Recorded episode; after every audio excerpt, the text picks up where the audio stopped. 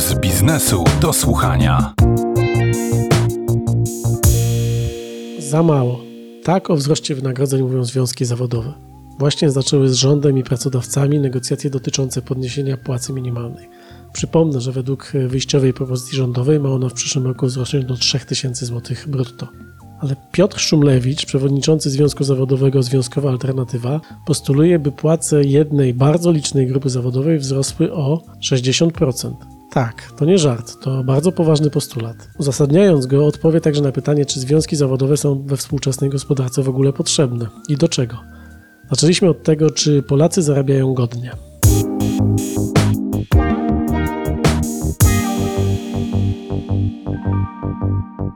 Zależy kto, natomiast niestety bardzo duża część pracowników zarabia niegodnie i wśród tych zarabiających niegodnie są setki tysięcy pracowników sfery budżetowej i samorządowej.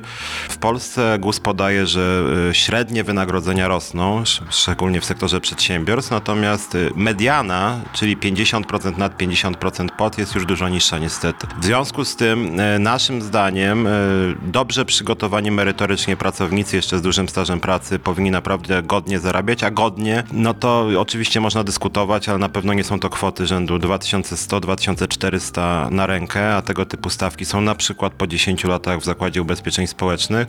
E, no więc z naszej perspektywy w Polsce się godnie nie zarabia i najsmutniejsze jest to, że w tych sektorach gospodarki, które są bezpośrednio zależne od rządu i decyzji rządu, czyli na przykład właśnie pracownicy ZUS-u, pracownicy administracji skarbowej, nauczyciele, pracownicy służby zdrowia, te zarobki są bardzo niskie i są o wiele niższe niższe niż w innych krajach e, Unii Europejskiej w stosunku do średniej chociażby. Ktoś powie, że no ale tam są też wyższe koszty. Tak, tylko tak jak powiedziałem, mówię teraz o proporcji. Y, generalnie takie zawody jak pracownicy sektora opieki, jak nauczyciele, jak pracownicy opieki zdrowotnej, no są tak naprawdę zawody, na których opiera się społeczeństwo. Myślę, że też dla wielu ludzi takim sygnałem do podwyżki płac no, była epidemia koronawirusa. W czasie epidemii koronawirusa właściwie ochrona zdrowia, sektor opieki to były absolutnie podstawowe zawody i te zawody niestety przez rząd są demonstracyjnie lekceważone. A naszym zdaniem to powinny być priorytetowe segmenty gospodarki, no i nie są nie są tak odnośnie warunków płacowych, jak i odnośnie inwestycji y, w tę branżę. No źle to wygląda. Kilka dni temu Związkowa Alternatywa wyszła z postulatem podwyżek w strefie budżetowych sięgających nawet 60%. To taka intelektualna prowokacja, czy rzeczywisty postulat? Dwie rzeczy. Znaczy, po pierwsze, to jest rzeczywisty postulat i w najbliższych dniach wejdziemy w spór zbiorowy w Zakładzie Ubezpieczeń Społecznych, domagając się 60% właśnie i będziemy rekomendować naszym organizacjom i też innym organizacjom niezrzeszonym w Związkowej Alternatywie, żeby domagały się 60%. Również niedawno pracownicy administracji skarbowej domagali się 60% podwyżki, niezrzeszeni w Związkowej Alternatywie, więc uruchomiliśmy też taką e, falę tego typu roszczeń. Natomiast tutaj są dwie sprawy. Po pierwsze, przyznam szczerze, bardzo nas zainspirowały władze. Władze, które podwyższyły podwyższyły de facto sobie o 60%. Y, rozporządzenie prezydenta z poparciem premiera o podwyżce dla posłów, senatorów, wiceministrów o 60%, dla innych ważnych urzędników o 40%, więc strasznie dużo. Przyznam szczerze, nigdy nie miałem tego typu podwyżki i nie znam pracownika, który by taką podwyżkę miał szczególnie w sferze budżetowej. To jest pierwsza sprawa, w związku z tym, jeżeli władza uważa, że może sobie podnieść o 60% również dla polityków samorządowych, no to tym bardziej należałoby, szczególnie w czasie epidemii koronawirusa, która cały czas trwa, podwyższać tym pracownikom, no, od których jest zależne życie ludzi, ich poczucie bezpieczeństwa, sprawność funkcjonowania państwa. To jest m.in. ZUS, KAS, Służba Więzienna, Policja, Straż Pożarna, wiele, wiele innych służb, y, ochrona zdrowia, szkolnictwo. I to jest jedna sprawa, że tutaj jest inspiracja rządu. Jeżeli mogą sobie podnieść, to też powinni móc nam. Ale druga sprawa wydaje mi się nawet ważniejsza. Mianowicie w Polsce strukturalnie lekceważona jest, y, lekceważona jest administracja państwowa, administracja samorządowa. Lekceważone są te zawody, od których, jak mówiłem, zależy dobrostan społeczeństwa i tu jest potrzebna naszym zdaniem zmiana systemowa. I taką zmianą systemową mogłyby być te podwyżki o 60% w pakiecie e, z potężnymi inwestycjami, na przykład sprzęt pracowników, w bezpieczeństwo i higienę pracy. Mamy na przykład sygnały z Zakładu Ubezpieczeń Społecznych, że jak były upały, pracownicy pracowali w temperaturze 35-38 stopni. Mieliśmy mnóstwo sygnałów, że jakieś stare komputery psują się, pracownik czeka miesiąc, żeby nowy komputer dostać. Jakieś stare, zniszczone fotele. Ktoś by by powiedział drobiazgi, czepiacie się, ale to ma w Polsce charakter systemowy i naszym zdaniem, żeby państwo dobrze funkcjonowało, to potrzebne są rzeczywiście potężne inwestycje, przeorientowanie całej gospodarki i tutaj e, my tak naprawdę postulujemy, żeby władza zmieniła swoją politykę, swoją wizję państwa. Chodzi o to, żeby przestać skupiać się wyłącznie na rozdawaniu ludziom pieniędzy, a zająć się godną pracą, zająć się tworzeniem rzeczywiście wysokiej jakości usług publicznych, zająć się bezpieczeństwem pracy, stabilnością pracy, więc ta podwyżka o 60% byłaby częścią y, no, tej nowej jakości w polityce. Nie na darmo nazywamy się Związkowa Alternatywa. To byłaby część takiej alternatywy. To samo, co posłowie sami dla siebie wymyślili, tak? Podwyższamy jednorazowo 60%, a później no to już ustalimy sobie stałe zasady waloryzacji. My też tego chcemy. Jeżeli posłowie używają argumentu, że oni zarabiając 11 tysięcy złotych są podatni na korupcję, no to jeżeli w administracji skarbowej pracownik zarabia 2500 na rękę, no to co on ma powiedzieć? Więc naprawdę uważamy, że tutaj to 60%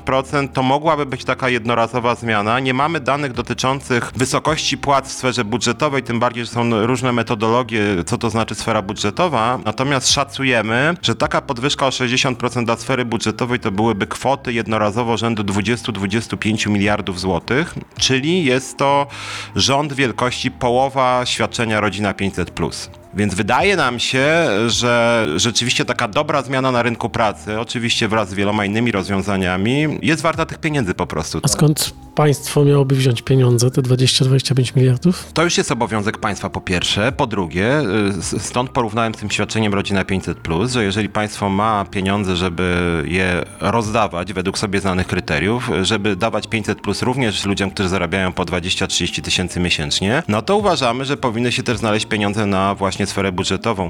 Celowo powiedziałem o tym, że potrzebna jest w Polsce zmiana podejścia do polityki społecznej, podejścia rynku pracy. Być może, jeżeli e, Polacy nie chcą podwyżki podatków, no to w takim razie trzeba by dokonać przesunięć. Być może trzeba byłoby y, mniej pieniędzy ładować politykę historyczną, mniej pieniędzy w zaprzyjaźnione z pisem organizacje, mniej w telewizję polską.